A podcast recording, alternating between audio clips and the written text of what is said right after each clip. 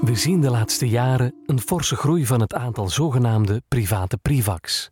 Volgens de website van de FOD Financiën zijn er vandaag zo'n 130, waarvan de helft pas opgericht werden de voorbije drie jaar. Bernard Peters en Quentin Mazure, twee van de specialisten van het private equity team bij Tibergien, delen hun expertise over deze private investeringsfondsen. Podcast Tibergien. Wat is dat fenomeen van de private privac eigenlijk? De private privac is eigenlijk een specifiek vehikel, een specifiek privaat fonds, die is opgericht om te investeren in private equity. Private equity, wat, uh, wat is private equity? Dat is eigenlijk investeren in niet-beursgenoteerde vennootschappen, ondernemingen, gaande van heel early stage vennootschappen, start-ups, tot meer mature groeibedrijven die al een bepaalde track record hebben.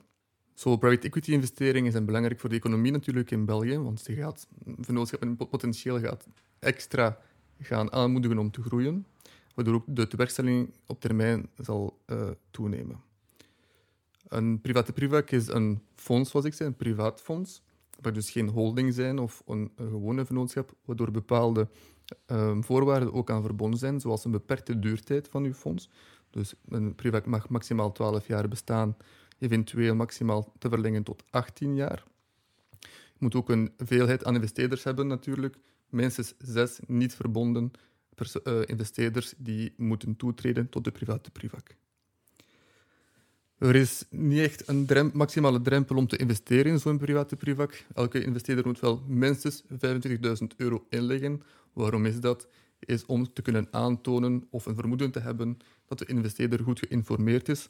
Daarnaast is er niet echt een andere drempel voor uh, de, het regime van de private privac zelf.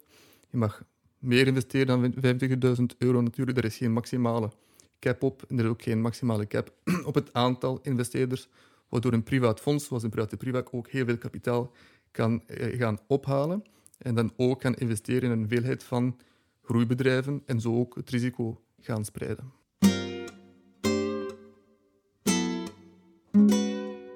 Je hebt iets zeer belangrijk gezegd, uh, namelijk dat je een veelheid van uh, ondernemingen hebt. En uh, dat wil ik toch nog eens even onderlijnen, namelijk het effect van de spreiding van het risico.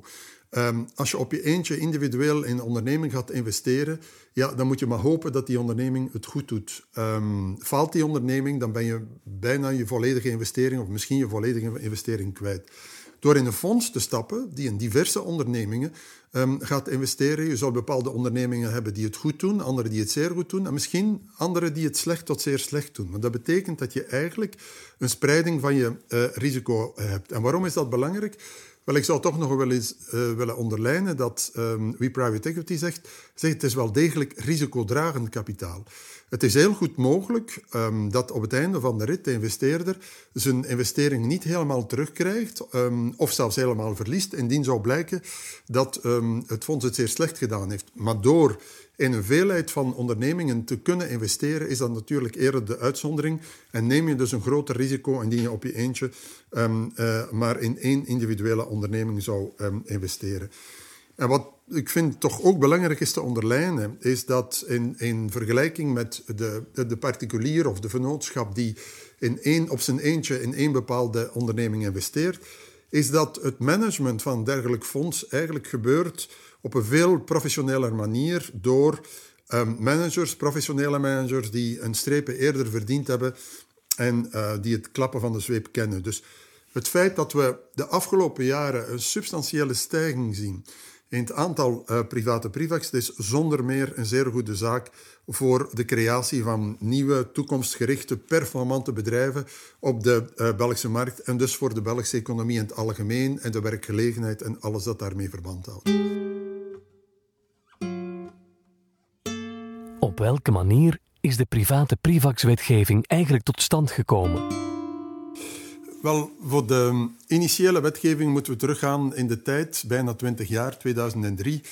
We zaten toen, ik zou zeggen, in de zoveelste economische crisis, um, ditmaal te gevolge van uh, de welbekende internetbubbel. En de regering wilde toen ook nagaan uh, welke maatregelen getroffen konden worden om um, het risicodragend kapitaal en de investeringen in risico, risicodragend kapitaal te stimuleren. Nu, tussen haakjes, eigenlijk is dat al een constante, uh, voor zover dat ik weet, van meer dan 50 jaar in de regering. Gaat terug naar de jaren 80, daar heb je KB 15 onder 50, wat eigenlijk een stimulering was van de risicodragend kapitaal. De notionele interestaftrek die achteraf uh, gevolgd is, ook ter ondersteuning van het risicodragend kapitaal. En het bewijst ook hoe belangrijk dat risicodragend kapitaal in een, um, in een volwaardige economie is. Nu...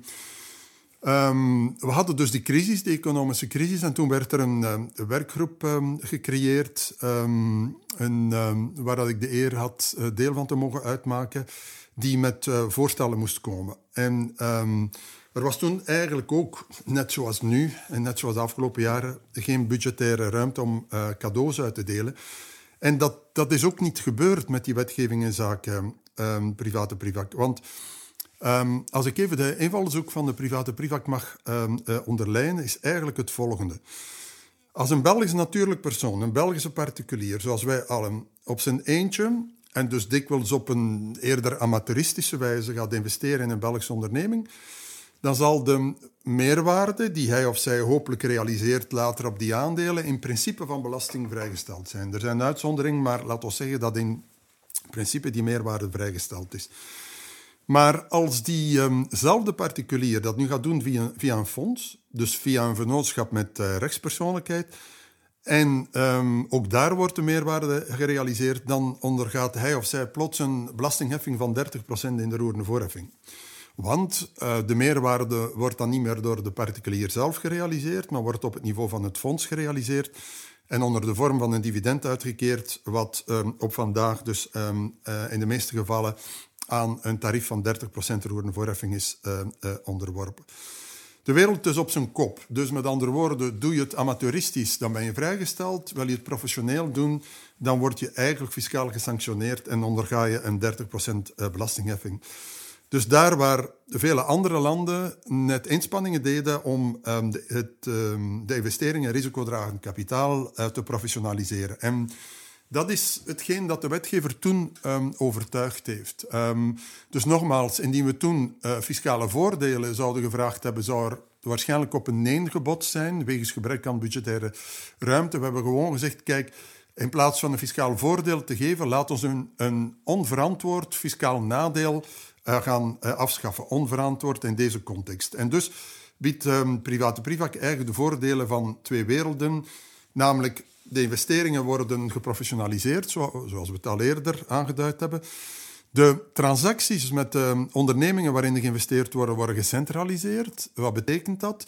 Wel, um, je hebt één entiteit, een rechtspersoonlijkheid, die contracten kan uh, onderschrijven, die, die rechtshandelingen kan verrichten, zonder dat alle investeerders moeten gaan tussenkomen. Er zit dus een schot tussen de investeerders en de, de ondernemingen waarin er geïnvesteerd wordt. En dus het fonds zelf kan namens alle investeerders eigenlijk alle handelingen uh, stellen. En tot slot, um, dus de investeerder um, wordt fiscaal behandeld alsof dat hij rechtstreeks um, zou geïnvesteerd hebben in de onderliggende ondernemingen. Met een um, fiscale term noemen we dat de quasi-transparantie. Dus quasi-transparantie betekent, het is niet transparant, je hebt die rechtspersoonlijkheid, dat fonds dat ertussen zit, maar men doet alsof fiscaal dat het fonds eigenlijk niet bestaat. Um, men denkt het fonds weg. En dat is eigenlijk de rode draad die in 2003 de werkgroep geleid heeft om eigenlijk een voorstel te doen om risicodragende investeringen te stimuleren en die um, eigenlijk geleid hebben tot ik zou zeggen, uh, in het begin uh, misschien een wat aarzelende start van de private privac, omdat er toen nog een reeks voorwaarden in stonden die storend waren voor de markt, maar die zijn ondertussen um, aangepast. En um, we hebben te maken, denk ik, met een entiteit, private privac, die stelletjes aan een succes mag genoemd worden vandaag. Dat brengt ons bij de fiscale voordelen van de private privac. Zullen we het daar even over hebben? Zeker, Bernard. We gaan natuurlijk niet exhaustief zijn, om niet al die regels oplijsten uh, in deze podcast. Dus we gaan de belangrijkste elementen weergeven. We moeten een onderscheid maken eigenlijk op twee niveaus. Het, het niveau van het fonds zelf en het niveau van de investeerders.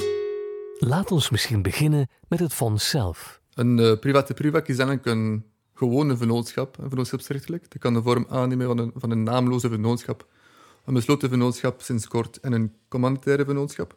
Dat zijn vennootschappen met rechtspersoonlijkheid en dus in beginsel ook zijn onderworpen aan de gewone regels van de vennootschapsbelasting in België. In beginsel, waarom in beginsel? Omdat een private privak een zeer beperkte belastbare grondslag heeft binnen de vennootschapsbelasting, als aan alle voorwaarden voldaan is. Dat betekent eigenlijk een de facto nihil taxatieboet op de inkomsten die de privak realiseert. Zoals daarnet ook gezegd, gaat de private privak veelal investeren in, in aandelen, voornamelijk in aandelen investeren. Wel nu, die, die meerwaarde op die aandelen of eventuele dividenden op die aandelen die de privak ontvangt, die zijn vrijgesteld, ongeacht uw participatiedrempel, uw geïnvesteerde bedragen in de portfolio-vennootschappen. Dus ook al investeer je 100.000 of 200.000 euro in een bepaald bedrijf, gaat de private privak in beginsel toch vrijgesteld zijn op het rendement. Dat is een groot verschil met de gewone vennootschapsbelasting voor niet-fondsen. Je hebt een dergelijke vrijstelling ook voor gewone vennootschappen, maar dan moet je minstens 10% van je kapitaal aanhouden of minstens 2,5 miljoen euro investeren in het kapitaal van die vennootschap. Dus een groot voordeel voor het fonds private privak is dat je die drempels niet hebt om je rendement vrijgesteld van belasting te hebben. Als een private privak naast aandelen ook leningen zou gaan verstrekken aan de portfolio-vennootschappen, dan is de private privak weliswaar onderworpen aan de gewone regels van de vennootschapsbelasting, dus de gewone belastbare grondslag. Wees uit wel dat die meerwaarde en dividenden nog altijd zijn vrijgesteld, los van uw investeringsbedragen. Maar die interesten gaan dan wel belast zijn in de vennootschapsbelasting. Natuurlijk, een fonds heeft ook bepaalde kosten. Bijvoorbeeld, denk maar aan managementfees die het fonds betaalt aan, aan de beheerder. Die zijn ook wel aftrekbaar, hè, zoals in, bij een andere vennootschap ook aftrekbaar zijn. Dus ook in dat geval, de facto, zal de belastbare druk van het fonds relatief beperkt zijn. Ik wil er misschien nog aan toevoegen, uh, bij de totstandkoming van de wetgeving, waarom dat voorzien is als, dat een, als een private privak interesten uh, ontvangt, dat die interesten in beginsel nou wel belast worden in van de private privak. Um, ik heb daarnet aangegeven dat de wetgever eigenlijk niet open stond om een fiscaal voordeel te gaan verschaffen aan de uh, private privak. Wel nu, indien um, de private privak op die interesten vrijgesteld zou zijn, maar die um, interesten die betaald werden door een onderneming waarin dat ze investeerde en waaraan dat ze lening verstrekt heeft, indien die interesten op dat niveau aftrekbaar zouden zijn, dan zou je dus op het niveau van de geïnvesteerde onderneming een belastingvoordeel hebben door de interestaftrek, die niet gecompenseerd zou worden door een uh, belastbaarheid bij de private privak, waardoor we toch eh, eigenlijk een fiscaal voordeel zouden gaan verstrekken aan de private privak. En om dat dus uit te schakelen, om dat evenwicht te uh, herstellen, heeft de wetgever voorzien dat als de private privak naast um, uh, aandelen in niet beursgenoteerde ondernemingen ook leningen verstrekt, dat die interessen dan wel belastbaar zullen zijn in hoofden van de private privak. Concluderend, uh, de private die hoofdzakelijk investeert in aandelen, gaat het rendement wezen via meerwaarde op aandelen of dividenden vrijgesteld zien. Indien ook leningen worden verstrekt, verstrekt zullen de interesten belast zijn, maar de kosten die het fonds zelf heeft, kun je uh, aftrekken van je grondslag. Dus de facto een lage belastingdruk op het niveau van het fonds. En wat met de investeerders? Misschien eerst even de particuliere investeerder. Ja, um, wat de particuliere investeerder betreft is algemeen principe, zeer belangrijk principe, meerwaarden die door het fonds op de uh, investeringen die ze gedaan heeft gerealiseerd worden, die kunnen altijd en onder alle omstandigheden belastingvrij uitgekeerd worden aan de particuliere investeerder. Um, je ziet daar die quasi-transparantie waar we het eerder over hadden om de hoek uh, komen, uh, namelijk de particuliere investeerder wordt dus fiscaal behandeld alsof dat hij rechtstreeks in een onderliggende onderneming zou geïnvesteerd uh, hebben, ook al zit daar dat tussenschot, het fonds er, ertussen.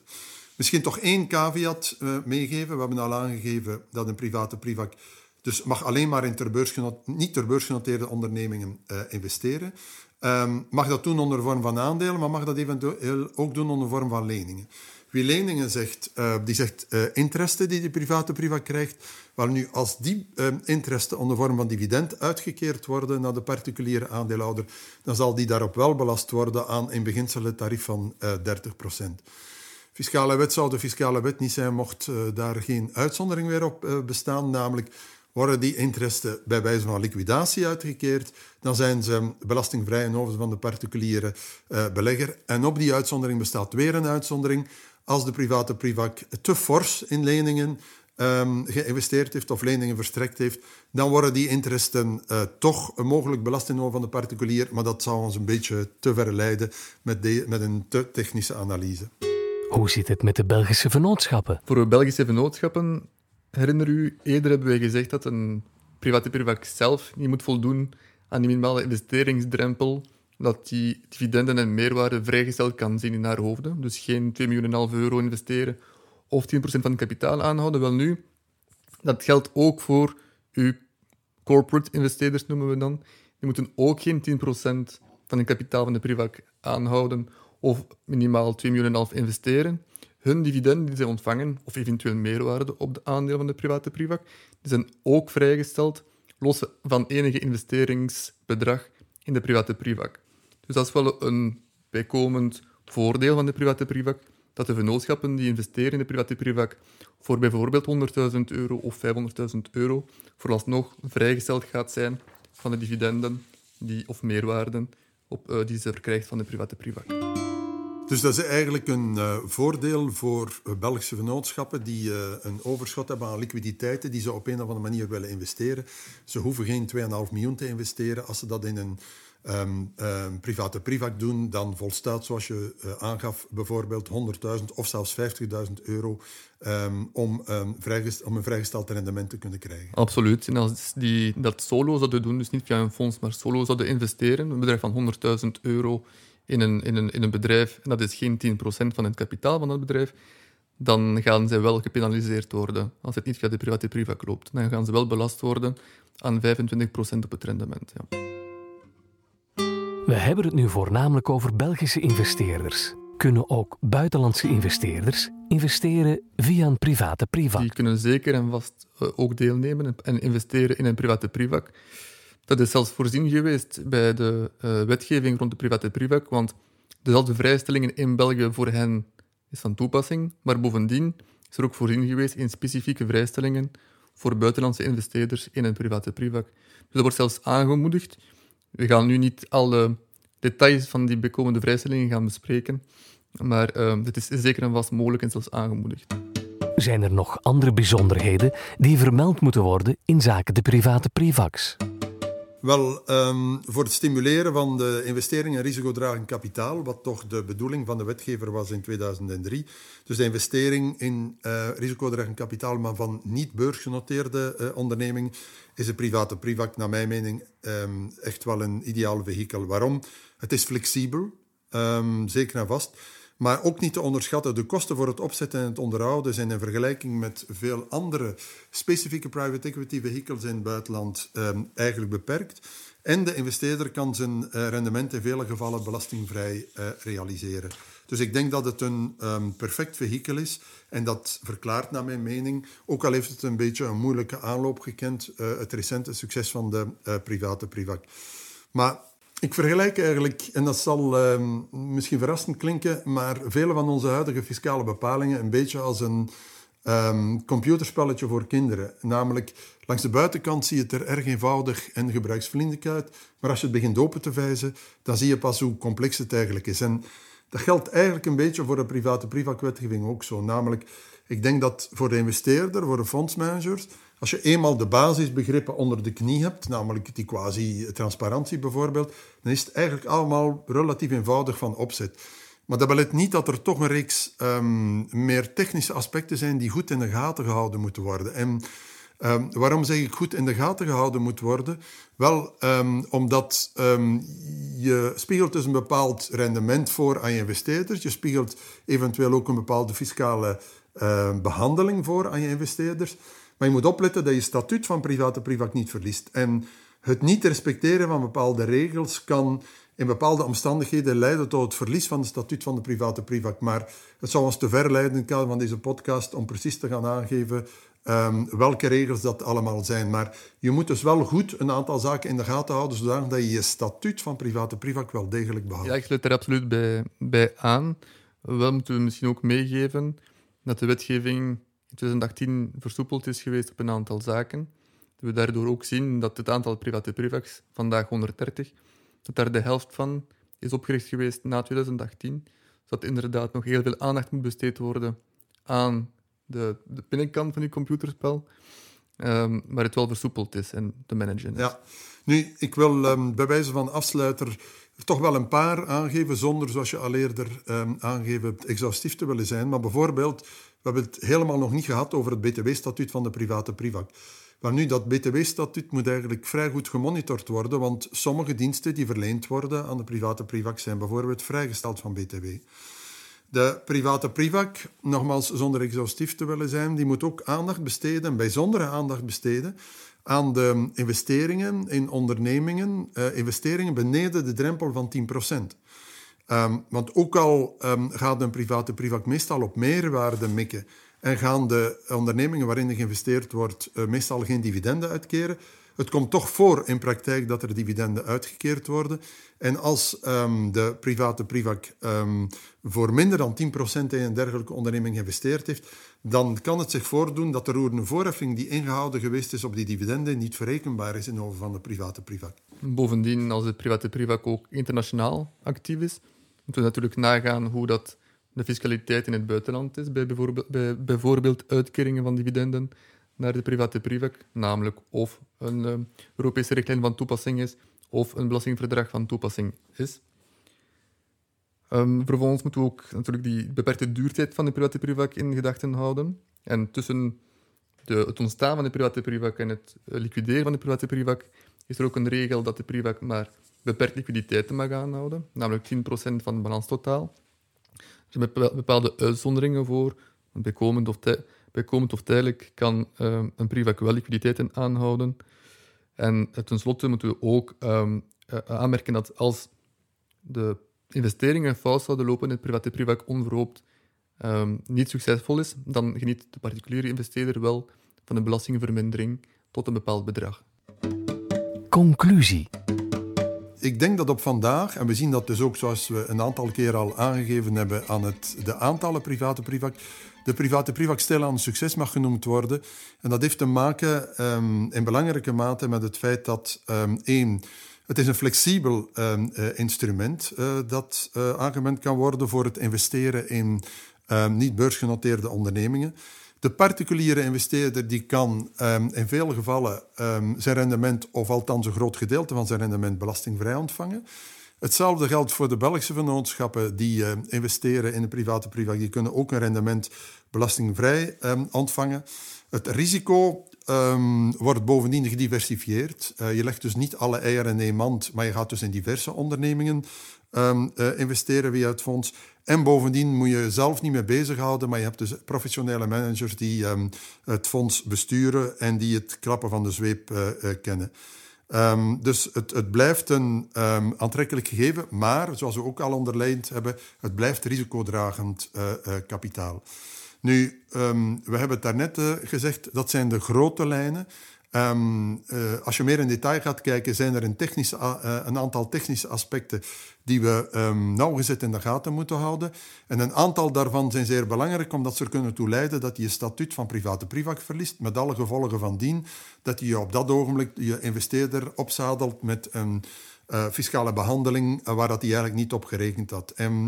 Um, ik durf zeggen dat we binnen kantoor Tiebergen een team hebben dat inmiddels op al deze vlakken een ruime ervaring heeft. Uh, niet in het minst, uh, omdat, zoals we ook al eerder gezegd hebben, we van bij het begin uh, bij het proces van de, stand, van de totstandkoming van de private privac betrokken geweest zijn. En het spreekt voor zich dat wij eventuele interesseerden eigenlijk graag nog een toelichting verstrekken en zo nodig bijstaan bij de creatie van de private privac. Maar ik wil misschien deze podcast eindigen met een iets wat lichtere of vrolijke noot. Um, ik gaf al aan dat ik de bijzondere eer had om in 2003 of 2002 ter voorbereiding van de private privac in die werk, aan de werkgroep deel te nemen.